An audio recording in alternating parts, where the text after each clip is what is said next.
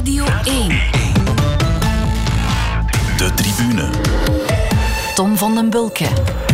Goedenavond en welkom bij de Tribune, de plaats waar je tegenwoordig moet uitkijken voor rondvliegende vuurpijlen en waar het bon ton is om rookbommen, voetzoekers, bier, aanstekers of andere rommel richting het veld te gooien. Vrouwen en kinderen eerst, maar gelukkig zitten wij veilig in onze studio met twee mannen die niks aan kalmte en rust uitstralen. Goedenavond Renaat Schotten. Dag Tom. En goedenavond ook Sven Nijs, eh, teammanager van de Baloise Trek Lions ploeg.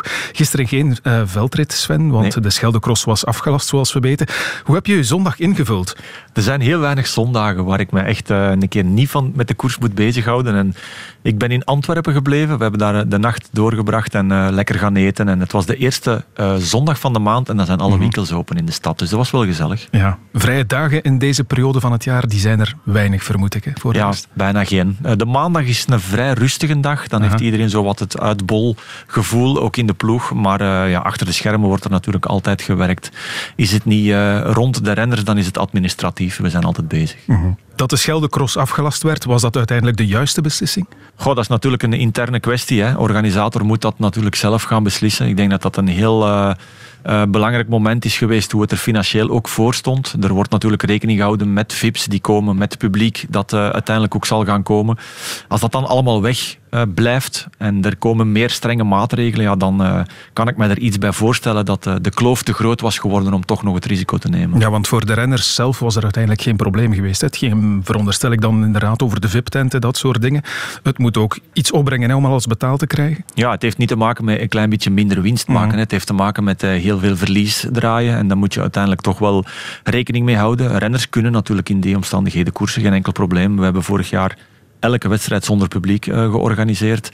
Dat kan. Uh, maar goed, ik respecteer ook wel de keuze van de organisator. Ja, denk je dat er nog afgelastingen kunnen volgen? Het zou kunnen uh, dat dat nog gaat volgen, maar ik heb er toch goede hoop op dat het uh, in 90% van de gevallen zal doorgaan, omdat we dat ook vorig jaar hebben bewezen. En okay. um, voorlopig mag er ook nog altijd publiek naar de wedstrijden komen. Dus ja, de feesttent en, en de VIP-tenten die zijn er niet momenteel. Mm. Uh, maar de echte crossliefhebber uh, krijgt wel uh, zijn zin. En dat is ook wel leuk, want er is bijna niets anders meer. Hè. Ja, laat ons hopen dat dat toch op zijn minst kan blijven. We gaan beginnen met de momenten van de week. Renaat, ook jij had een vrije zondag tot je je plots hiervoor aanmeldde.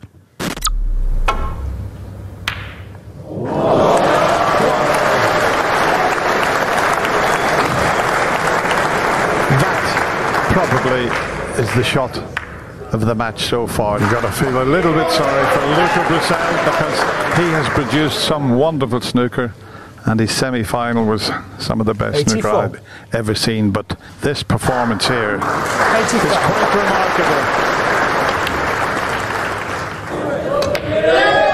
It's not in.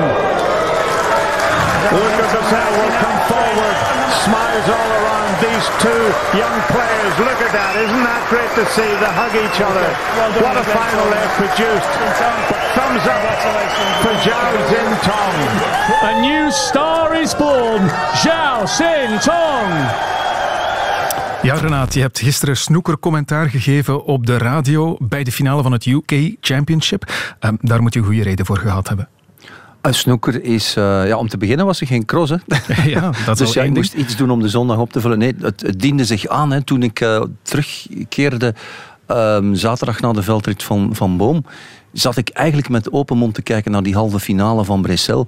En toen hij daar uh, uitpakte en gewoon won, ben ik gewoon langs de kant van de weg moeten gaan staan, omdat Echt? het mij zoveel deed. En toen dacht ik, Hmm, Sportza zal daar wel iets mee doen, zeker. En dan heb ik gewoon gebeld met de verantwoordelijke radio-eindredacteur. En die zei, ja, we zoeken inderdaad nog een commentator. En zo ben ik dan gisteren hier verzeild geraakt om commentaar te geven. Bij een oude liefde. En oude liefde roest niet, hè, Tom, je weet dat. Hè. Ja, ja. Je bent zelf ook snoekerspeler geweest, of je bent het misschien nog altijd? Ik ben het echt niet meer, maar ik heb ooit gespeeld op een uh, bescheiden, heel laag niveau. Ik was lid van twee clubs. Eentje in uh, mijn geboortestad uh, Brugge. Ook eentje in de universiteitsstad waar ik woonde en leefde, Gent. En dus waren ja, heel veel dagen waren gevuld met snoeker. Ik heb heel veel lesuren geïnvesteerd in, in de snoekersport, vrees ik toch. Ja, was je goed? Wat was je maximum break? Op training 93 en competitie 47. Dat zegt al veel over het verschil tussen training en competitie. Aha. Een paar keer kampioen geworden in lagere afdelingen met, met een eh, snoekerploegje genaamd Kleurenblind. En het lokaal was de regenboog. Maar een, een break van 93, dat eh, kan al tellen, Renaat. Dat is, Nou, dat is niet slecht, verre op, van. op training zonder druk, hè, dan kan er veel, denk ik. Hè. Ja, maar dan nog, Sven, eh, snoeker, wat zegt het jou? Ja, veel. Ik heb als, als eh, jonge gast wel redelijk wat snoeker gespeeld. Nooit in competitie en ook nooit een break van 93 gehaald. Maar ik vind het wel leuk en ik keek ook ieder jaar naar het wereldkampioenschap in de Crucible, noemde dat dan. Ehm, en dat was altijd spannend. Die namen schieten me nog altijd te binnen. Van Steven Henry tot eh, Jimmy White en zo verder. Dus eh, ja, leuke tijd eh, gehad in mijn jeugd om daar naar te kijken. BBC was het toen. Ja, ook helden van jou, Renaat, die namen die Sven hier opnoemt? Maar Je wil het niet weten hoeveel, hoeveel uren ik voor de televisie gesleten heb. Maar die berucht- beruchte finale 85, de Black Ball Final, eh, Taylor versus eh, Davis, dat is wel een trauma uit mijn jeugd. Want Hoezo? ja, dat eindigde bijzonder laat. Er zaten miljoenen Britten voor de televisie en mijn moeder zei je moet gaan slapen. Ik ben dan gaan slapen. VHS-recorder destijds nog geprogrammeerd. Zanderdag stond ik op en het stopte met een ro- roze bal. dat was redelijk erg. Licht traumatisch, inderdaad. Ja, maar ondertussen hebben ze het nog honderd keer uitgezonden. Ja, Er was ook geen social media om te kijken wie er dan effectief wel gewonnen Nee, had. klopt. gelukkig heb je van die finale van Luca Bressel eh, niks hoeven te missen. Wat vond je van hem? Hij was eh, in de finale goed, maar niet goed genoeg om, om een bedreiging te vormen voor de Chinees. En hij was ook iets minder dan in die halve finale, waar hij uitpakte met vier centuries. En, en in de finale liet hij te veel lange ballen liggen. De kansen die hij kreeg, heeft hij niet allemaal benut. En we moeten het ook zeggen, zonder afbreuk te doen aan de prestatie van Zhao. De, de ballen rolden echt wel voor de Chinees. Hij had een paar cruciale flukes op belangrijke momenten in de eerste sessie, waardoor het 5-3 stond in plaats van misschien 4-4. En dan ga je toch met een ander gevoel die avondsessie in. En ja, de Chinees won dan meteen twee frames trot en dan was de kloof gemaakt en Brussel is daar nooit van kunnen herstellen. Nee, maar hij was wel op topniveau de hele week. Sven, als het over sporten gaat, zoals eh, darts, snooker, dat soort dingen, zijn dat voor jou ook echt sporten? Want dat is een discussie die je vaak hoort, hè? Absoluut. Ehm, ik vind het heel mooi om naar te kijken dat in eerste instantie er is altijd wel spanning. En ik kijk dan vooral ook naar hoe een atleet, zo wil ik hem dan toch graag wel noemen, hoe hij rustig kan blijven onder zo'n hoge druk. Eh, bij darts ook. Ze zitten er echt eh, bij wijze van spreken bovenarms op, eh, op, op, op een vierkante meter. En, en, en die druk om dan dat pijltje op de juiste moment in dat juiste vierkantje of, of, ja, dat, of in de roos of noem het maar op. te kunnen gooien, dat is, dat is fantastisch. En dat is bij snoeker net hetzelfde. Hè. Als je dat zelf eens gespeeld hebt, dat is uren en uren training om uiteindelijk toch wel die snelheid van die bal eh, te laten terugkomen of laten doorbollen. En, en, en die kleuren, het, is, het is uniek om naar te kijken. Ja. Ik kan van elke topsport Ja, je zei daarnet kort voor de uitzending dat je zelf thuis ook een tafel gehad hebt. Ja, dat is een mooi verhaal eigenlijk. Eh, toen ik de eerste keer gebouwd heb als, als jonge renner, ehm, ben ik naar de architect gegaan en heb ik gezegd.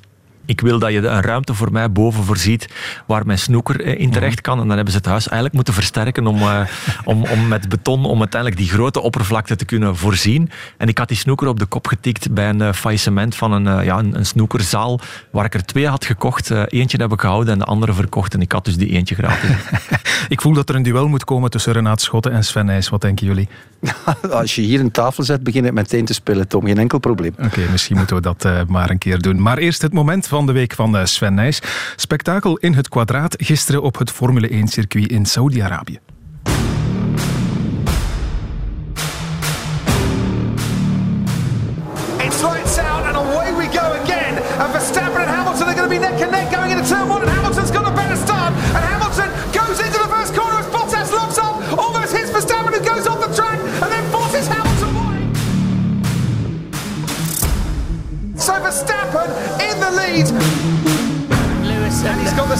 Slipstream Martin, and he is gaining, and he is gaining, and he is gaining on Max Verstappen. He's going to go for the move here. Lewis Hamilton trying to get into the lead of the race. They go wheel to wheel into the first corner.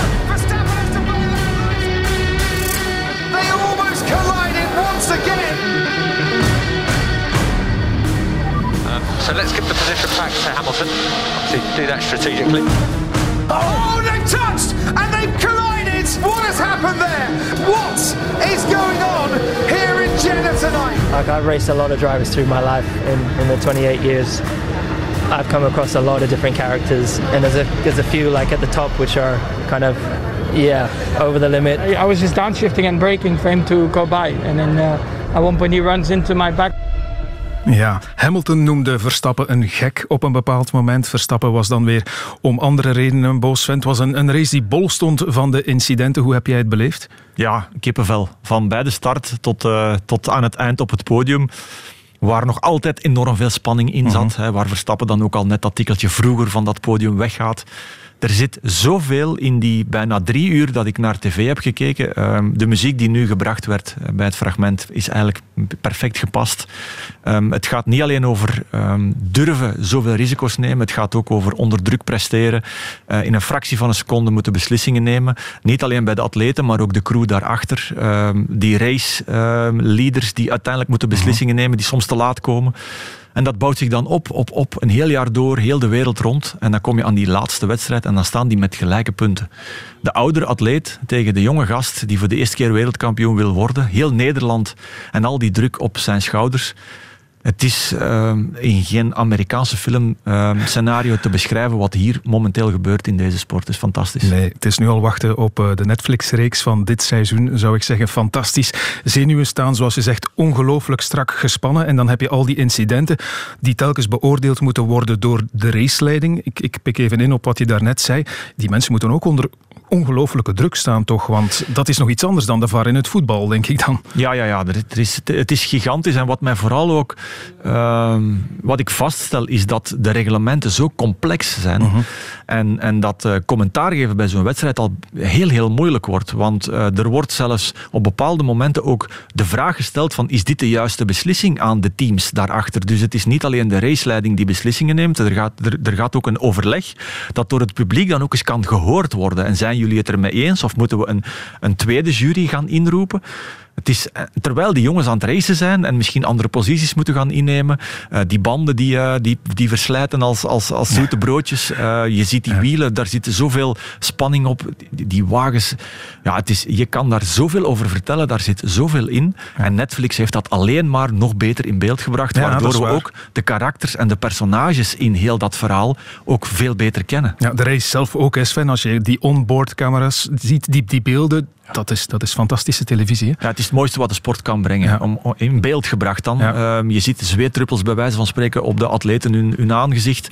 Um, die spanning, ja, het is... Het is uh, het, ja, het, is, het is heel moeilijk om onder woorden te brengen hoe, hoe, uh, hoe dat in beeld gebracht wordt. Ja. Hamilton en Verstappen gaan nu met evenveel punten naar die laatste wedstrijd. Spannender kan dus inderdaad niet. Hoe groot is de kans, denk je, dat die twee zonder brokken de finish gaan halen? Want als bij wijze van spreken uh, Verstappen Hamilton van de baan rijdt, dan is het beslist. Ja, het is dus gelijke punten, maar ja. het is geen gelijkspel. Want Verstappen heeft eigenlijk nu een voordeel. Als ze alle twee uitvallen, wordt Verstappen wereldkampioen. Dus dat is eigenlijk al een voorsprong. Uh, ik laat mij ook vertellen, maar dat is inside informatie, dat weet ik niet helemaal zeker, dat Verstappen daar iets beter tot zijn recht zou kunnen komen. Meer dan bijvoorbeeld uh, afgelopen weekend. Maar uh, het gaat toch allemaal uitdraaien op dat, dat duel. Ze zijn zoveel beter als de rest, mm -hmm. dat uiteindelijk ze ook iedereen en allemaal passeren en dan uiteindelijk toch dat duel moeten gaan uitvechten. En wie trekt dan aan het langste einde, dat, dat kan ik echt vandaag niet zeggen. Nee. Heb je een voorkeur? Ik heb eigenlijk geen voorkeur, want ik, het charmeert me wel dat Hamilton op iets oudere leeftijd die, die, die battle wil aangaan en ook echt de juiste dingen doet, de cool bewaart. Um, maar ik moet ook zeggen dat de jonge gast in Verstappen en, en ook die vader daar rond, die dan echt uh, op het puntje van zijn stoel zit en, en heel die natie die dan achter hem staat, zoals afgelopen zomer in Nederland, uh, ja het heeft ook wel iets. En, en uh, ik denk dat, uh, dat Verstappen wereldkampioen zien worden ook uh, heel mooi zou zijn. Absoluut. Meer over Formule 1 woensdag in een extra aflevering dan van de Tribune op podcast. Helemaal in het teken van die spannende ontknoping in het wereldkampioenschap. De Tribune. We gaan het zo meteen over veldrijden hebben. Dat spreekt voor zich met deze gasten. Maar het voetbal heeft zichzelf ook weer op de agenda gezet. En helaas alweer niet op een goede manier. Vuurpijlen die afgeschoten worden, supporters die het veld bestormen.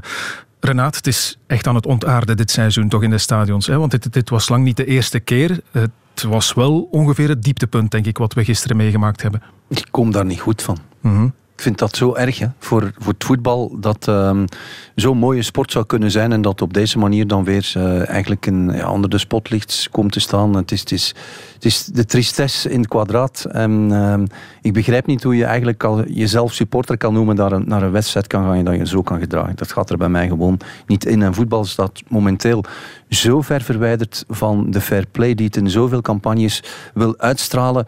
Ja, triestig. Heel jammer. Hoe kijk jij daarnaar, Sven? Want in het veldrijden wordt er ook al eens met een beker bier gegooid. Misschien vroeger meer dan nu, dat weet ik niet zeker. Mag jij gerust zeggen. Maar ja, wat we in het voetbal zien, gaan we in het veld toch niet meemaken, denk ik. Nee, um, veldrijden en wielrennen in het algemeen is toch nog net meer een familiesport. Um, waar je niet het gevoel moet hebben van, oh, zit ik hier in de, uh, bij de concurrentie uh, van de andere ploeg uh, in de buurt, want straks ehm, gaat hier iets gebeuren. Ik heb het ooit meegemaakt bij een bekerfinale in het Koning Boudewijn Stadion. Um, waar ik neutraal was, maar mij echt niet op mijn gemak voelde mm. als ik naar die match wilde gaan kijken. En dat zou eigenlijk niet mogen. Ik vind dat sport inderdaad moet iets zijn waar iedereen rustig naartoe kan gaan.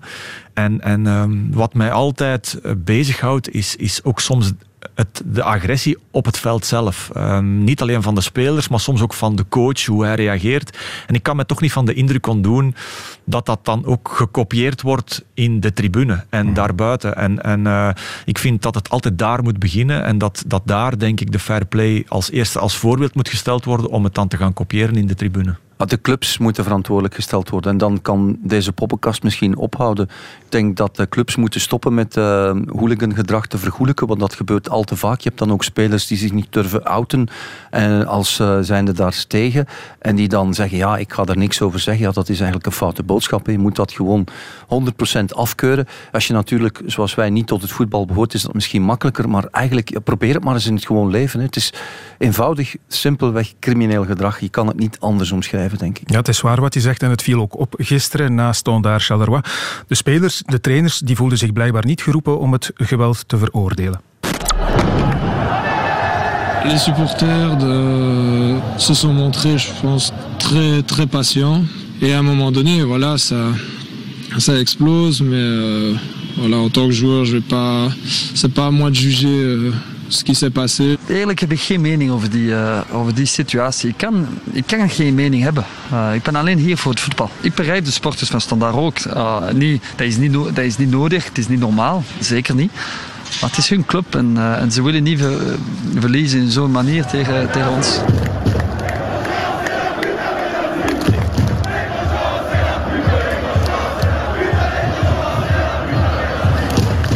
Grosjean et la pute de Venanzi. Grosjean, de CEO van uh, Standaard, is ja, de hoer, mag je letterlijk vertalen, van uh, voorzitter Venanzi. Je hoorde Standaard-doelman eh, Arnaud Baudard en uh, Charleroi-trainer Edward Sil, Renaat. Ja, die, die, veroordelen het is niet. Die zeggen gewoon, ja, het is niet aan mij om daar iets op te zeggen. Ze mogen dat toch wel zeggen, dat dit compleet fout is. Het is toch ook aan hen om dat te veroordelen. Hè? Ze moeten dat zeggen. Hè. Wat, ja. wat ze nu gezegd hebben, is een schoolvoorbeeld van struisvogelpolitiek. Uh, ja goed, we gaan niet over struisvogels beginnen, maar iedereen weet wat we bedoelen. Mm. En uh, het voetbal moet gewoon zelf zijn verantwoordelijkheid opnemen. En de clubs ook moeten dat, dat gedrag gewoon veel meer afkeuren dan er nu gedaan wordt. En ik denk ook dat... Um, om het dan helemaal open te trekken. Hè. Ze hebben hun slag thuisgehaald in de hele discussie rond het RSZ en die verlaagde sociale bijdrage. Wat ik overigens voor Belgisch voetbal en bij uitbreiding de Belgische sportwereld goede zaak vind, omdat we in een Europees Europese economie zitten met onze sporters en onze sportclubs en dat je daar rekening mee moet houden, eerder dan met, met het Belgische speelveld. En ik weet dat je je daar niet populair mee maakt en, uh, bij een deel van de bevolking, wat ik ergens ook begrijp. Maar anderzijds, als het gaat over veiligheid en voorbeeldgedrag, ja, de rekening van, van al die veiligheidstoestanden die mag wel doorgeschoven worden naar de voetbalclubs, vind ik persoonlijk. Zij mogen opdraaien voor de vele overuren en alle orde strijdkrachten die dan moeten zorgen dat alles een beetje in goede banen verloopt. Dan de maatschappij mag daar niet voor opdraaien. Ik heb zelf ook ooit zoiets meegemaakt. Hè. En dat was natuurlijk van een andere orde. Uh, maar naar mij werd inderdaad ook met bier gegooid. En dat gebeurde geregeld. Je hebt het uh, over de periode met uh, Richard Groenendaal? Ja, dat was ja. ongeveer, goh, ik denk midden 2000. Mm -hmm. En op een bepaald moment momenten um, ja, werd dat ook gewoon te veel. En ik ben toen ook van mijn fiets gestapt. Loenhout. in Loenhout, ja. uh, door het publiek. En dan kan je ook agressief gaan reageren. Um, maar ik ben daar naartoe gestapt en gewoon aan die mens gevraagd: waarom doe je dat eigenlijk? En hij schrok daar zo van. En ik ben gewoon terug naar mijn fiets gestapt. Ik heb die wedstrijd ook niet meer uitgereden. Maar door zo te reageren, denk ik dat mensen iets meer nadenken dan dat je zelf ook zou zeggen van ik, ik geef hem hier een klap voor zijn oren. Mhm. Ja, dan creëer je misschien nog meer van dat soort momenten. En nu werd er toch even over nagedacht. En dat is net wat Renaat ook zegt. Ehm, ik denk dat de ploegen, ehm, de spelers, de coaches, iedereen daar rond zijn verantwoordelijkheid moet nemen, dit uh, absoluut wel een mening moet over hebben in de hoop dat het op termijn iets minder vaak gaat gebeuren. Ja, anders ben je bang om met je zoon naar het voetbal te gaan en in zo'n situatie wil je toch niet geraken. Nee, zeker niet. Bij Standaard hebben ze intussen al enkele maatregelen zelf getroffen. Er gaat onder meer een deel van de tribune dicht voor uh, onbepaalde tijd of voor een tijdje. Uh, de Pro League heeft dan weer beslist dat er tot eind dit jaar geen bezoekende supporters meer in het stadion mogen nu, ik kan mij vergissen, maar op Beerschot gisteren en op Standaard lag het probleem toch niet bij de bezoekende supporters. Dus is dit niet een uh, vreemde maatregel? Ja, dat is het kind met het badwater weggooien. Hè. En dan eigenlijk ook de charme van, van het voetbal voor een stukje uh, kapot maken. Want ja, voor mij moeten er altijd uit- en thuis supporters in een stadion zitten. En liefst zelfs gemengd. Ik denk dat dat de situatie is waarnaar voetbal moet streven. Dat uh, de supporters gewoon door elkaar gaan zitten ja, in een daar sportstadion. staan we heel ver van ja, af, daar denk staan ik, we op heel ver van, maar ja. dat is de ideale situatie, Mhm. de ideale wereld. En misschien ben ik een utopist, maar ik blijf daarin geloven dat je gewoon vreedzaam naar sport kan kijken en daar samen van kan genieten. En voor je club zit de supporter. En dat, uh, dat achterlijke anti-supporter gedoe, dat dat gedaan is voor eens en altijd. En zou het ook zo kunnen zijn dat corona daar een, uh, ja, een, een, een versterkt uh, reactie van is. Van mensen die heel weinig nog mogen, die dan toch nog een keer buiten kunnen, die helemaal uitgelaten zijn. Misschien net nog een tikkeltje meer, een pintje te veel gedronken. Dat, dat klinkt heel aannemelijk, hè, maar ik denk dat dat, dat een, een uh, schoolvoorbeeld is van, van een studie die door sociologen hm. moet gemaakt worden om te zien wat uh, voor gevolgen zoiets als de pandemie en de coronacrisis op het gedrag van individuen en voetbalsupporters bij mm. beperking uh, dan uh, teweeg brengt. Ik denk wel dat dat een interessant onderzoek zal worden. Renate, jij zegt um, de clubs moeten verantwoordelijk gesteld worden. Zou je dan inderdaad ook zo ver gaan dat bijvoorbeeld puntenaftrek een sanctie kan zijn? Ja, tuurlijk, waarom niet? Als dat het enige is waarvoor ze dan uh, een inspanning gaan doen om ervoor te zorgen dat dat soort wantoestanden uh, ons bespaard blijft. Want dat is toch triest. Ik, ik zat um, uh, commentaar te geven bij die snoekerwedstrijd. Dan hoorde ik mijn collega die, die scènes op die voetbalvelden beschrijven. Ja, als we ons als verslaggever daarmee moeten gaan bezighouden, dat dat het spektakel wordt, dat dan ook te zien is op televisie, dat, dat kan toch de bedoeling niet zijn. Dat, dat druist regelrecht in tegen alles waarvoor sport voor mij persoonlijk staat. En dus de clubs hebben de sleutel in handen om daar als eerste paal en perk aan te stellen. Want zij hebben een, een grote invloed op, op ook die harde kernen. Zij kunnen de lijn bepalen. Het begint van bovenaf. Het regent. Ik heb um, Philip Roodhoofd in een interview horen zeggen: het regent nooit van onderaf. En ik ja. vind dat dat in dit geval helemaal klopt. Als de bestuurskamers zeggen van dit moet gedaan zijn en we gaan er voor eens en voor altijd komaf mee maken, dan is dat ook gedaan. Ze hebben het wel in Engeland gekund, waar er heel weinig problemen nog zijn, om niet te zeggen geen, hmm. in wat ooit de bakermat van het hooliganisme was. Een puntenstraf gaat langer blijven hangen dan een financiële straf. Onrechtstreeks is dat ook een financiële straf, maar ik denk dat dat belangrijker is. Ja. Dus de, de beslissing die nu genomen is door de Pro League ja, is eigenlijk niet voldoende, dekt ook de lading niet, want je zou kunnen zeggen, ja, wat hebben de uitsupporters van KV Mechelen of van KV Kortrijk te maken met wat op Beerschot gebeurd is en op Standaard gebeurd is? Diepe zucht. Ja, ja, ja klopt. Ja. ja.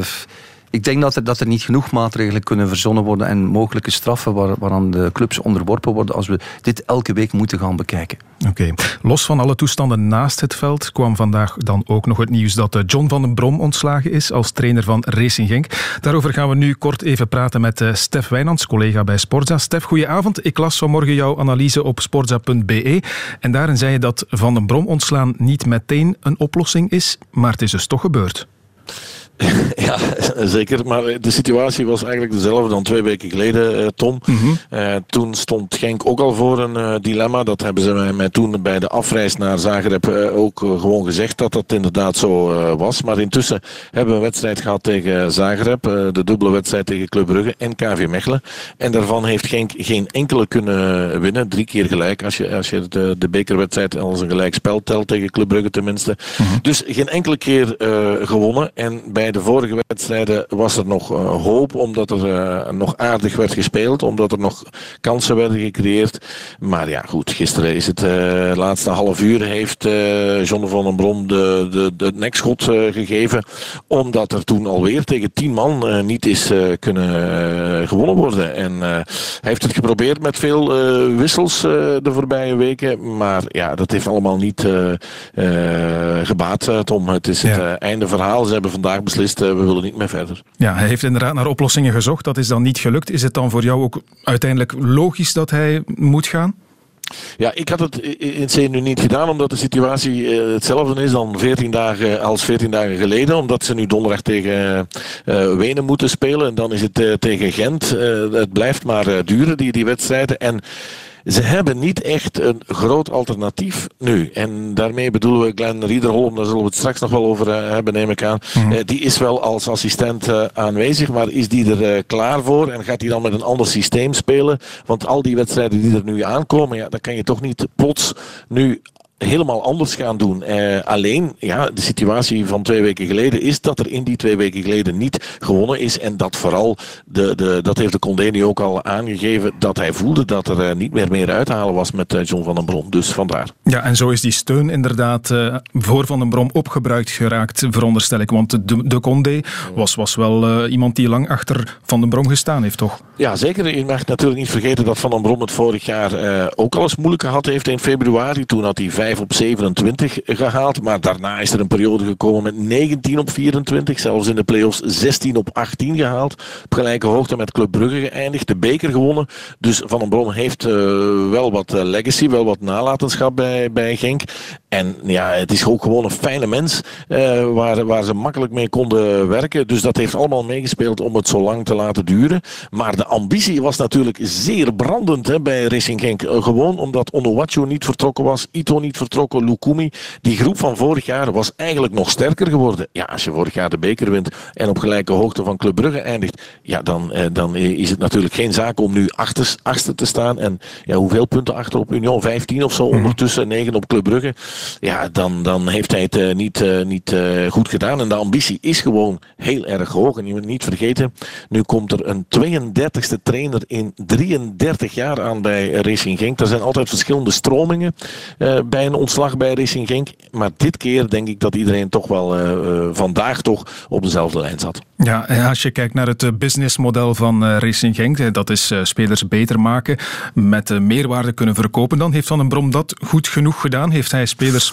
beter gemaakt? Uh, nee, niet echt. Want het zijn niet dat er, dat sinds vorig jaar nu plots allemaal jongens beter zijn geworden. Hij heeft heel lang teruggegrepen naar de spelers die er vorig jaar waren. Maar dan heeft hij ook wel de pech gehad, dat moet je zeggen. Al die Colombianen, Ito, die de hele wereld hebben moeten rondrijden, reizen voor al die interlands. En soms gaan wij daar iets te lichtzinnig over, denk ik. Want Colombianen waren soms pas op vrijdagavond terug als Racing Genk zondag namiddag moest spelen. Ja, dat heeft hem niet gesterkt. Die Colombianen zijn ook minder geworden. Waar de defensief vorig jaar zo sterk stonden met die drie Colombianen achteraan, is dat ook niet uh, gebleken. En de nieuwelingen die zijn gekomen, met name Ubo, Tresor, ja, die hebben zich toch allemaal niet kunnen doorzetten. De enige die zich nog wel heeft kunnen doorzetten de voorbije weken, dat is Joseph Painsel. Mm -hmm. En die hadden ze eigenlijk niet meer nodig in het begin van het seizoen. Die hebben ze teruggekregen vanuit Turkije. Die was daar uitgeleend. Maar kijk, die doet het nu wel, uh, wel erg goed. Nee, het is niet zo dat John van den Bron nu de geschiedenis ingaat als een trainer die, die een speler, een jonge speler, helemaal heeft laten ontluiken. Ja, afrondend. Het wordt dus nu die Glenn Ridderholm, de assistent. Eigenlijk zag je het wel van best ver aankomen dat hij vroeg of laat zou overnemen. Is hij nu de geschikte man, denk je? Wat, wat kan hij voorleggen? Wel, voorlopig is het niet helemaal duidelijk of hij uh, de nieuwe trainer wordt. Mm -hmm. En de simpele reden is, uh, denk ik, dat hij uh, zelf heeft aangegeven dat hij dat in de eerste instantie niet zou willen worden. want hij is er nu natuurlijk nog maar een kleine maand. Hij, hij wilde het allemaal goed gaan bekijken om te zien of het dan iets voor hem gaat worden. Maar goed, de situatie dwingt nu dat hij in elk geval samen met Olivier die de wedstrijd donderdag gaat leiden tegen Wenen. Maar ze hebben wel ook al aangegeven aangegeven dat ze misschien toch nog op zoek zijn naar een hoofdtrainer. Maar het grote probleem daar gaat zijn, als er een hoofdtrainer komt uh, voor Racing Genk, die gaat meestal zijn eigen staf meebrengen. Maar ja, ze hebben net die Ridderholm gehaald om, om de ploeg beter te maken. Dus ik denk niet dat er meteen een uh, toptrainer staat te springen om niet met zijn eigen assistent te mogen werken. Dus uiteindelijk denk ik dat het Ridderholm wel zal worden. Maar ze gaan toch nog proberen, denk ik, om te zoeken naar, naar iemand anders. Oké, zoals zo vaak wordt vervolgd. Dankjewel, Stef. Alsjeblieft, Tom. De tribune. Bij mij in de studio nog altijd uh, mijn gast Sven Nijs en Renaat Schot. Het is de hoogste tijd om over het veldrijden te praten nu, want afgelopen zaterdag heeft Wout van Aert bij zijn comeback meteen iedereen op een hoopje gereden. Welkom weer in Boom, klaar voor de start van de mannencross en uh, vooral zeer nieuwsgierig uitkijken naar de passage van de wegsterren.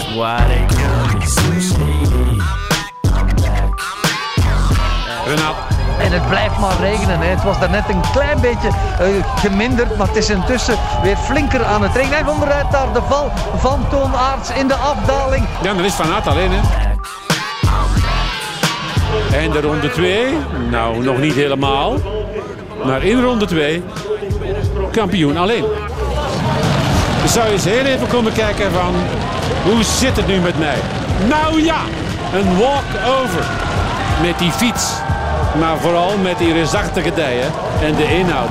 Dat gigantische vermogen. Van Aert steekt er hier drie koppen bovenuit. Ja, Sven. Van Aert wint met een straatvoorsprong in zijn eerste cross. Hoe schat jij die prestatie nu in van afgelopen zaterdag? Ja, heel sterk uiteraard. Hè. Omdat ik natuurlijk ook wel de capaciteiten van die andere jongens ken. Um, en ik ken Wout, de atleet, en hij staat verder dan ik had verwacht. Misschien ook wel verder dan hij zelf had verwacht. Uh, en het is een combinatie, denk ik, van een aantal dingen. Een parcours dat echt op zijn lijf geschreven is. Um, maar direct vertrouwen en in een hele goede conditie zijnde. En ik moet wel zeggen dat uh, als ik dan zie naar Toonaerts en Elie Iserbiet, wat in principe zijn belangrijkste concurrenten zouden moeten zijn daar, mm-hmm. die waren ook niet beter als de rest. En dat is wel frappant ten opzichte van de week voordien, waar ze eigenlijk meer dan een minuut wegrijden van 3, 4 en 5. Dus ik denk dat het een combinatie is van en Wout heel sterk en de andere net dat tikkeltje minder. Ja, ik vraag me dan af, jouw renners, Lars van der Haar, Toon Aerts, oké, okay, die rijden dan die cross in Boom, worden weggereden door Wout van Aert. Wat zeggen die dan als die na de koers bij jou in, in, in de teambus komen? Wat vertellen die dan? Niet echt speciaal um, te neergeslagen. Dat gevoel had ik helemaal niet. Ze kennen natuurlijk Wout van Aert.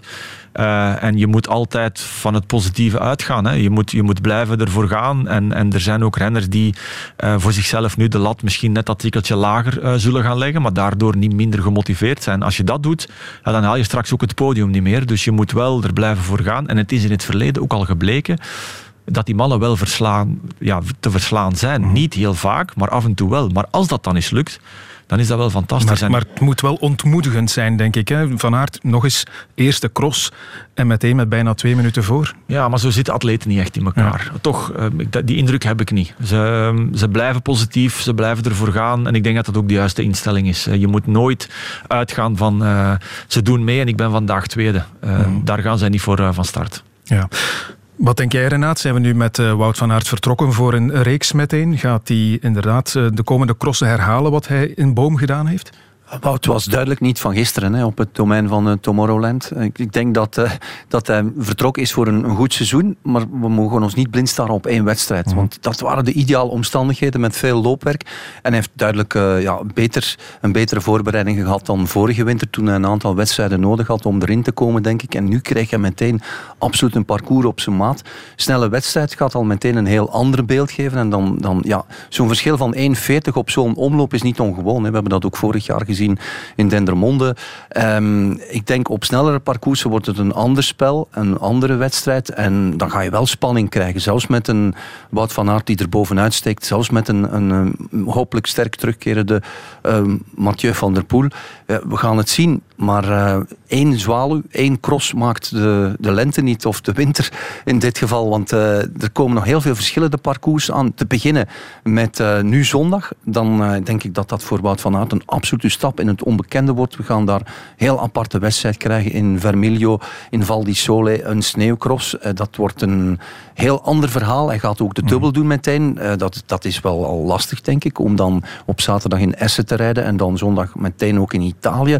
Dat is een... Ja, ik vind dat allemaal al redelijk uh, zwaar. Straks nog meer over die cross in uh, Val di Sole. Ik wil het eerst nog even over Eli Iserbit hebben, Sven. Eh, de man van het seizoen tot nu, mag je zeggen, leek klaar om Van Aert en Van der Poel te bekampen, te verslaan misschien ook. Dat dat dan niet lukt in Boom. Integendeel zelfs, dat hij eigenlijk ja, weggereden wordt hoe moet je dat kaderen? Kunnen we dat inderdaad aan de aard van het parcours toeschrijven? Of ja, zal Iserbit in die end toch te licht uitvallen als het aankomt op duelleren met Van Aert? In principe vallen ze te licht uit. Maar dat, dat geldt ook voor Toonaerts en alle anderen. Uh, alleen als ze echt een superdag hebben, um, dan is het eventueel iets mogelijk. Maar ik denk ook dat Eli Iserbit net in een iets mindere periode zit dan uh, een aantal weken geleden. Dat heeft te maken met heel veel wedstrijden, met ook hetgeen wat er nog uh, op hem afkomt. elke week opnieuw moet hij presteren, moet hij onder druk die klassementen naar zich toe proberen trekken. Dat mag je zeker niet onderschatten. En ik denk dat uh, de vierde plaats van Eli Iserbit absoluut niet is waar hij normaal recht op heeft. Als hij in heel goede doen is, dan moet hij op zijn minst tweede of derde worden. Dus je ziet wel aan alles dat uh, ook Kortrijk was duidelijk al een, een signaal, hè, waar hij ook meer dan een minuut verliest op, op Toonaard. Uh, en dat, daarom dat ik ook zeg, waar ga je ergens rust in bouwen hè, voor die mhm. jongens? Uh, het is niet evident om dit te gaan doortrekken tot het einde van het seizoen blijkt dat Eli dat wel gaat proberen, maar ik ben wel benieuwd. Ja, Adrie van der Poel had zijn analyse ook klaar na die cross in Boom. Hij zei, hij ging het ergens anders zoeken. De frisheid, daar stak hij het niet op. Hij verwees eigenlijk naar de zomer onder meer. En zei, ja, ze moeten in de zomer maar eens, Iserbit, Aarts en compagnie, uh, iets anders doen dan tegen amateurs op de weg gaan rijden. Ze moeten maar eens wat serieuzer tegenstand gaan opzoeken. Ja, maar hij weet natuurlijk ook heel goed dat... Uh, niet evident is om in die wedstrijden waar Mathieu van der Poel en Wout van Aert van start gaan, om daar te kunnen deelnemen. Um, en plus, ik denk een Balwaze Belgium Tour, een Tour Region Wallon, um, dwars door het Hageland, al deze koersen bij ons in, in België, dat is het perfecte niveau om je voor te bereiden op de cross. Uh, en ik denk ook niet dat ze in staat zijn om in veel grotere wedstrijden uh, een rol van betekenis te gaan spelen. En dan ook nog fris te zijn richting het crossseizoen. We spreken hier wel echt over hele, hele speciale mannen die ook in het wegwielrennen de rest overklassen. Hè. Als je in de, op de Mont Ventoux een rit wint en de dag nadien een massaspurt, dan, dan, dan gaan we denk ik de crossers niet moeten minimaliseren, want dan moeten we dat ook bij jongens op de weg doen. Ja. Hoe kijk jij er naar, uh, naar wat Van der Poel zei? Goh, ik ik sluit me aan bij, Sven eigenlijk. Hè. Adrie bekijkt natuurlijk alles door de bril van Mathieu of toch voor een groot stuk, heeft altijd uh, zijn eigen mening en een aparte mening. Um, hij verraste ons tijdens die wedstrijd door meteen te zeggen, ja, ik, ik had dit zien aankomen. Hij was dan wel de enige, denk ik, die dat vooraf had zien aankomen, want zelfs Wout van Aert had het niet zien aankomen, het overwicht waarmee de rest dan eigenlijk uh, lam geslagen heeft afgelopen zaterdag. Dus... Um, ik vind dat Adrie vooral moet blijven spreken en zichzelf moet uh, uitdrukken, want hij is een verrijking voor de meningen die er aller, altijd circuleren. En het is altijd een plezier om hem bezig te horen. En ik vind het goed dat er verschillende meningen zijn. Mhm. Dus, dus mensen als Adrie van der Poel verrijken ons leven. En mhm. in het uh, rijke gewas van uh, meningen moeten er vooral meningen zijn die afwijken van de norm. altijd. Hij, hij, had zijn glazen bol bij, denk ik. Want hij voorspelde inderdaad dat de Van Aert met grote voorsprong ging winnen. En hij zei nadien ook, of Van Aert het WK gaat rijden. Ja, natuurlijk gaat hij het WK rijden. Wat, wat denk jij? Dat vind ik een moeilijke. Um, omdat um, zolang de kogel niet door de kerk is, is hij niet door de kerk. En tot nader order rijdt hij het WK niet. Enfin, hij heeft nog niet bevestigd dat hij mee wil gaan. Ofwel um, is Maar zou al... Jumbo-Visma dat al niet in de planning opgenomen hebben? Kan je je, voorstellen dat, dat die planning nog niet gemaakt is? Ja, toch? Ja, je zou denken van wel. Maar um, ofwel willen ze daar op een of andere manier extra publiciteit mee scoren, wat ook kan in deze tijden. Uh, dat zou mij niet verwonderen dat dat deel uitmaakt van een of andere publiciteitsstrategie. Ofwel weten ze het gewoon nog niet. Hè, en laten ze het afhangen van de vorm van het moment in die periode van het eindjaar, wanneer hij heel veel crossen op rij gaat rijden. Of in die korte periode daar dan de ene na de andere cross cross. Eh, Jumbo-Visma zegt erover, ja, hij mag zich daar eens lekker uitleven. Ja, ik kan dat wel begrijpen. Hè. En dan, dan zien, ze, zien ze wel wat de paraatheid is tegenover Mathieu van der Poel.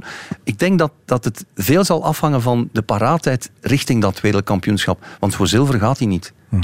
Hij wil alleen maar gaan als hij wereldkampioen kan worden. En hij wil voor zichzelf bijna de sluitende garantie. Zal hij nooit hebben natuurlijk. Maar als hij het gevoel heeft van, hm, ik ga daar naartoe voor zilver, dan ga ik niet. Ja, het is een hele moeilijke, hè, want ik ben er geweest in Fayetteville uh, dit jaar. Als dat parcours is zoals de wereldbeker was, dan zou ik zeggen, Wout van Aert, gaan en pak uw valies al maar en vertrek nu. Want um, dit is op je lijf geschreven. Je kan je vermogen daarboven halen. Um, je gaat daar perfect je ding kunnen doen. Maar als het daar droog is en heel snel is, dan vrees ik dat hij daar een Mathieu van der Poel en een Tom Pitcock gaat tegenkomen. Dus dat is heel moeilijk om dat op voorhand te voorspellen. En daarbovenop verlies je gewoon twee weken van je voorbereiding richting het uh, voorjaar. Jetlag naar Ginder en jetlag terug heeft altijd een impact op, uh, op conditie en op training. Dat mag je toch niet onderschatten. Ja, die jetlag, dat, uh, ik volg dat uiteraard. Ik weet wat voor impact dat heeft op een lichaam. Maar je zit daar ook dan met het gegeven dat hij eigenlijk die jetlag perfect verteerde uh, na afloop van de vorige ronde van Frankrijk. En dan uitpakte met zilver. Misschien wel de beste man, man was in die wegrit daar in, ja, in Izu. Dat klopt, maar ik denk dat op dat moment hij meer nood had aan rust. En dat hij misschien nu meer nood heeft aan nog verdere conditieopbouw. En dat dat misschien een andere periode in het jaar is, waardoor dat die jetlag net dat tikkeltje meer zal gaan doorwegen. Dat is denk ik mijn bedenking nu op deze moment. Ja, en het probleem is, het is natuurlijk meer dan een uur. Hè. Je zit daar een uur te crossen in uh, Fayetteville, maar uiteindelijk kost dat veel meer van je tijd dan dat ene uurtje alles losgooien. En dat zal het grote probleem zijn richting voorjaar, denk ik. De grote knoop die ze moeten doorhakken bij Jumbo-Visma. Ja.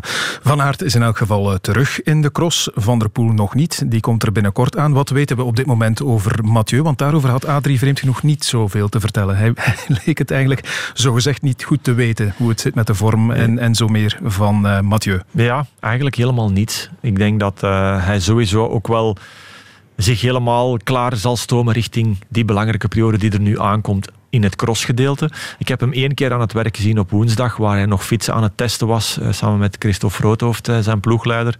Uh, daar was een smile op zijn aangezicht. Hij mhm. genoot van door het zand te klieven. Maar ik heb meer met mijn jongens bezig geweest dan te zien hoe hij zich daar profileerde. Ehm, het is Mathieu van der Poel, hè. ook hij is in staat om van bij de eerste wedstrijd direct klaar te zijn en mee te doen voor de overwinning. Ja. En jij al iets vernomen van Mathieu? Nee, uh, ik vind het wel jammer dat hij in een wedstrijd zal moeten zo'n rentree maken waar dan geen publiek Zonder zal zijn. publiek in Nederland, ja. inderdaad. Ja. En plus, we gaan ook heel weinig die echte twee jongens tegenover elkaar zien koersen. Hè. Dus um, ten opzichte van elkaar zeker weten hoe het op het WK zal zijn, is heel moeilijk. Hè. Want ik denk twee of drie keer en daar houdt het op. Ja, het zal wel toeval zijn, hè, maar het, het lijkt bijna alsof ze elkaar ontwijken. Ja, ja zou dat... Ja. ja meer dan toeval zijn? Ik weet het niet. Ja, dat is dus iets wat. Uh, daarvoor zouden we in de hoofden van de betrokken renners en ploegleidingen moeten kunnen kruipen. Hè. Mm -hmm. Ze zo weinig mogelijk tegen elkaar uitspelen om dan op, de, op het moment supreme in Amerika uit te pakken. Ik weet het niet. Ja. Nog iets over uh, Wout van Aert, want uh, nu ik eraan denk, de verkiezing van Sportman van het jaar komt eraan. Dat zou misschien wel eens een, een spannend duel kunnen gaan worden tussen enerzijds Van Aert en anderzijds Bashir Abdi toch de man aan wie we met z'n allen ook denken, vermoed ik. Mm, ja, naar wie gaat jullie stemmen? Nou, goed dat je het me zegt. Hè. De deadline is toch nog niet verstreken. Nee, je kunt nog stemmen. Ik heb het al gedaan. ik moet dat ook nog doen. je mag al verklappen voor wie je gaat stemmen. Uh, ik, uh, ik, uh, daar moet ik nog even over nadenken, want uiteindelijk is het altijd appelen met citroenen vergelijken. Hè. Je ja. gaat sporters en disciplines in de weegschaal gooien en eigenlijk is dat, ja, dat, dat loopt eigenlijk nooit goed af, want je kan nooit iedereen recht geven, waar, geven waarop hij recht heeft. En ik, ik zit met Abdi zeker in mijn hoofd, uiteraard Wout van Aert, maar ook met, met een Bressel. Ja. Dat, dat, is ook iemand die punten verdient voor mij. En dan kan ik er nog, zo kan ik nog wel een lijstje sporters uh, verzinnen. Dat is altijd een heel moeilijke evenwichtsoefening. Ja. Um, wat je wel vaker hebt natuurlijk, dat is dat als je in een bepaald vakgebied werkt, ja, dan gaat je voorkeur mm -hmm. vaak uit naar de, de sporter uit je vakgebied. En dat is veel journalisten en stemmers niet vreemd. Ja, dat is een beetje mijn probleem, denk ik. Uh, ik heb natuurlijk de prestatie van, uh, van Abdi wel gezien en, en, en gevolgd. Maar um, sportman van het jaar en, en dan spreek ik toch van 1 januari tot 31 december. Dan zie ik de naam Wout van Aert net iets meer opduiken. En dan denk ik, zeker in mijn discipline, dat mijn voorkeurstem wel naar Wout van Aert gaat. Nou, kijk, zo blijft het spannend. Vorige week hadden we twee gasten die voor Abdi kozen. Vandaag toch al één voor Van Aert genoteerd. En jij nog een beetje in twijfel, Renaat? Ik blijf twijfelen. Ik bedoel, waarom zou ik nu al mijn keuze bekendmaken als ik het echt nog niet weet? Oké, wat we wel weten is dat uh, bij de cross bij de vrouwen, dan komen we ook weer bij jou uit, uh, beste Sven, is dat er daar eentje met kop en schouders bovenuit steekt. Brand is binnen. Gieten, Niel, Merksplas, Boom. Schrijf het er maar bij. 4 op 5 in de SP, nummer 9 dit seizoen. Walkover. Ik wist vooral dat ik eventjes uh, in mijn ritme moest komen. Ik uh, vind altijd als het zo koud is wel lastig om... Uh, ik vind het start altijd al lastig, maar als het zo koud is nog iets meer. En dan moet ik vooral niet hard forceren. En gelukkig had ik daar de tijd voor. Lucinda Brandt van jouw team, ze is niet te stoppen momenteel. Nee, ik ben bijzonder gelukkig met uh, hoe de evolutie is geweest de afgelopen twee, drie jaar. Van bij de start, bij dat eerste gesprek, tot waar ze vandaag staat als crosser. Want als renster was ze al fantastisch. Maar die evolutie is, um, en, en, en hoe ze vandaag fietst, in Besançon heb ik het echt herhaald. De crosstechniek die ze vandaag boven tovert. Ja, we hebben daar heel, heel veel tijd en energie in gestopt, samen met z'n allen. En dat rendeert op alle vlakken. En dat kan ze nog een tijdje volhouden. Um, ze heeft de leeftijd om ook de kracht en, en het volume uh, naar boven te toveren, de combinatie te maken met de weg. Maar er komt een jonge generatie aan. En dat ga je niet eeuwig kunnen blijven uitstellen. Dat die uh, ja, de rest gaan uh, platwalsen. Dan spreek ik over een Blanca vast. Dan spreek ik over uh, Alvarado, die zeker ook weer al draai terug zal gaan vinden. Puk Pietersen, noem maar op. Maar ja, ik denk dat ik de juiste move gemaakt heb een paar jaar geleden. En het is fantastisch om met Lucinda Brandt te kunnen werken. Ze is leergierig en, en uh, ze, ja, ze pikt alles op waar we, waar we voor staan. We hebben het al gehad over de cross van komend weekend. Val di Sole, wereldbekerwedstrijd. Daar ga jij niet naartoe met jouw team. Ook geen Lucinda Brandt, hoewel ze aan de leiding staat in de wereldbeker. Waarom niet? Dat is een bewuste keuze geweest. We hebben met alle renners op voorhand het programma goed doorgenomen. En een klein beetje gekeken ook naar hoe pakken we het andere jaren aan. En dan is er iedere keer wel ergens een break. En die valt meestal in deze periode. En dan moet je gaan kijken, ja, wat kan er? Uh, het enige weekend wat echt eventueel kon, was uh, het weekend van Val di Sole, omdat de dag voordien er een wedstrijd zit die niet meetelt voor een klassement. Het is een wedstrijd uh, in Essen. Mm -hmm. uh, dus dan verlies je geen twee klassementen, maar eentje. En door het feit dat de Wereldbeker 16 wedstrijden telt, is eentje laten wegvallen het minst grote risico op, op verlies in dat klassement. En dan is dat de keuze geweest die we gemaakt hebben. En ik denk dat dat ook de juiste is. Um, natuurlijk niet goed als je echt promotie wil gaan maken om die sport richting de Olympische Spelen te duwen. Voilà, dat is het, hè, want het is een sneeuwcross. Er ligt ook heel veel sneeuw, dus het zal een apart decor zijn. En het veldrijden wil naar die Olympische status toegroeien. Ja, dan heb je toch beter een cross waar het deelnemersveld op volle sterkte staat. Nee? Uh, dat klopt, maar ik ben ervan overtuigd, als we een klein beetje geluk hebben, dat het twee weken later in Loenhout eventueel ook zou kunnen sneeuwen. En dan is dat ook heel goede promotie voor de sport. We hebben in het verleden, ik zelfs een paar keer op het wereldkampioenschap, op sneeuw en ijs uh. Dus wij hoeven dat niet meer te bewijzen. Maar het is leuk dat het nog eens in gang wordt gestopt en dat er over gepraat wordt. Um, maar we kunnen die promotie eventueel een paar weken later ook nog maken. Mm. Wat vind jij ervan, uh, Renate? Er is inderdaad niet overal evenveel animo om naar die cross te gaan. Om uiteenlopende redenen misschien in Val di Sole. Um, ik zag dat er ook maar één Nederlander aan uh, de start zal staan bij de mannen. Corné van Kessel. Jammer misschien toch? Zelf ga ik er wel naartoe om een verslag over die race uit te brengen. Ik moet zeggen, ik kijk er geweldig naar uit. En, en Sven, ja, sorry. Maar je hebt gelijk. De afwezigen hebben altijd ook dat is. Waar, dat is waar. en daar wordt dan eigenlijk niet over gesproken. Wie daar niet is, kan ook niet winnen.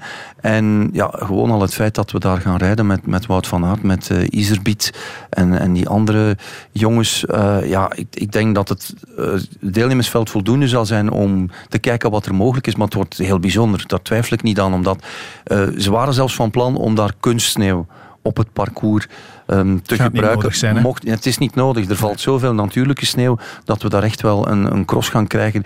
Um, niet alleen op sneeuw, maar ook op hoogte. We zitten op 1300 meter boven de zeespiegel. Dat is dan eigenlijk een, een facet dat je eigenlijk niet zo vaak tegenkomt in veldrijden. Dus dat kan ook nog een rol gaan spelen.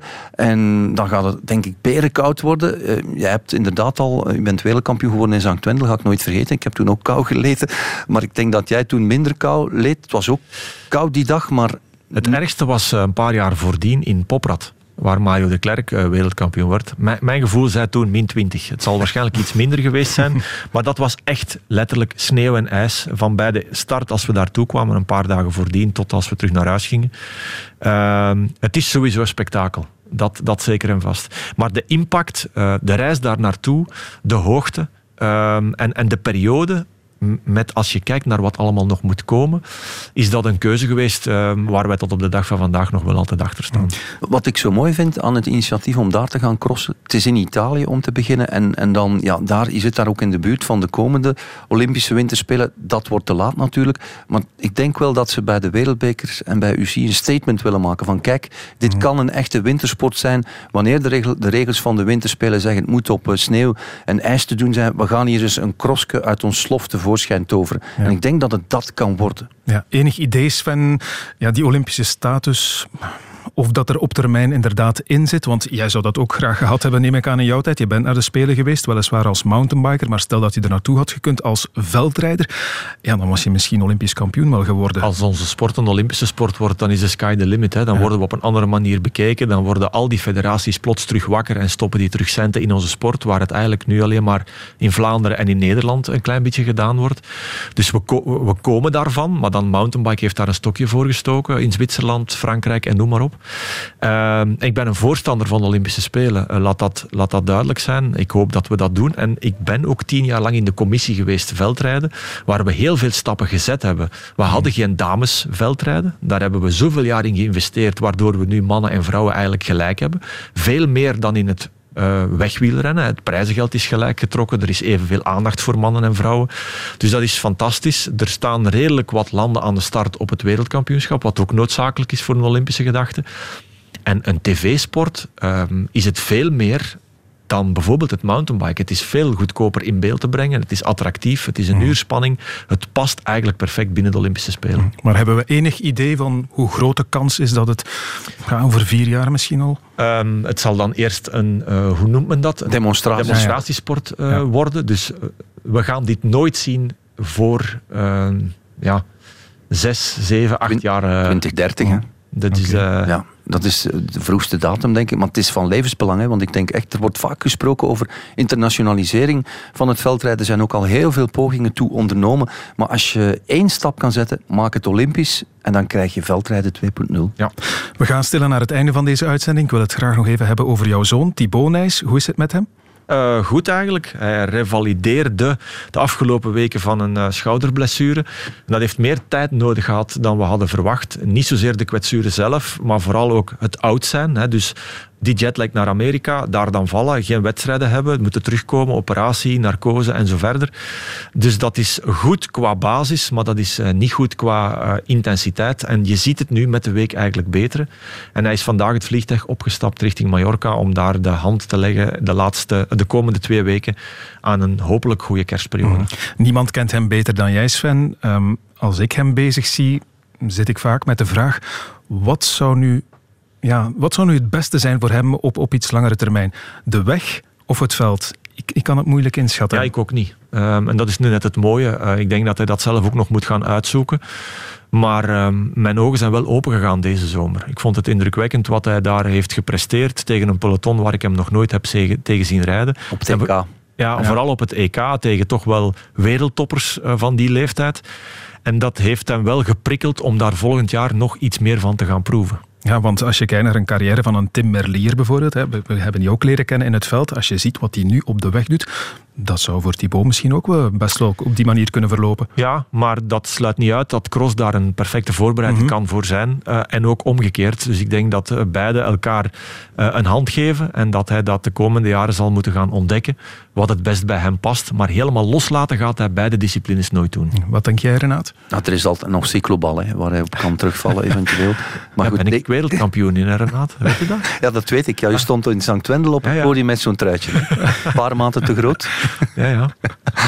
Ja, ik, ik denk dat hij gewoon de twee moet blijven combineren. En kijken wat, wat er kan. En het, eigenlijk wordt er bewezen door Mathieu van der Poel en Wout van Aert zonder hem meteen ja. met die twee toppers te willen ja. vergelijken. Maar je kan beide disciplines perfect met elkaar verzoenen en toch in beide uitblinken. Oké, okay. wat wordt zijn volgende doel na de stage? Ehm, het weekend van Namen. Ehm, dat is dan ook de tweede wedstrijd eh, voor belofte bij de, in de Wereldbeker. Ik denk dat dat eh, een doel wordt op zich. En dan is het eh, proberen toe te leven naar kampioenschappen. ehm, wedstrijden die in de kerstperiode allemaal van tel zijn eigenlijk. Ja, en laat ons hopen dat het in Namen wel doorgaat, in tegenstelling Ja, tot in eh, Antwerpen met die wereldbekerwedstrijd. hè. Goed, we zitten eh, in de laatste minuut. Dan eh, heb ik nog onze traditionele vraag om mee af te sluiten. Waar kijken jullie nog naar uit? Renate, ik zie jou al verrast kijken, maar je hebt vast een antwoord in petto. Gewoon zondag ehm Val di Sole en dan eh, de week nadien begint het eh, WK darts. Oké, dat is ook weer iets voor jou. Dat past in het eh, rijtje met, met snooker. Hè. Boksen is ook iets voor jou, hè? Ja, ja, zeker, want er zijn niet meteen grote kampen die er zitten aan te komen. Oké, Sven? Ja, ik sowieso naar de finale van de Formule 1. Ja, daar gaan we toch allemaal voor zitten. Hè. Komende zondag, Abu Dhabi was het, hè? Ja. Abu Dhabi om twee uur in de namiddag, denk ik. Goed, dan rond ik af door nog eens te zeggen dat er woensdag al een nieuwe aflevering van de Tribune aankomt op podcast. Dan is er de Formule 1 special met David Naert opwarmen. Dus voor die inderdaad allesbeslissende race van komende zondag. Nog een fijne avond. Dankjewel Sven. Dankjewel Renaat. Ja.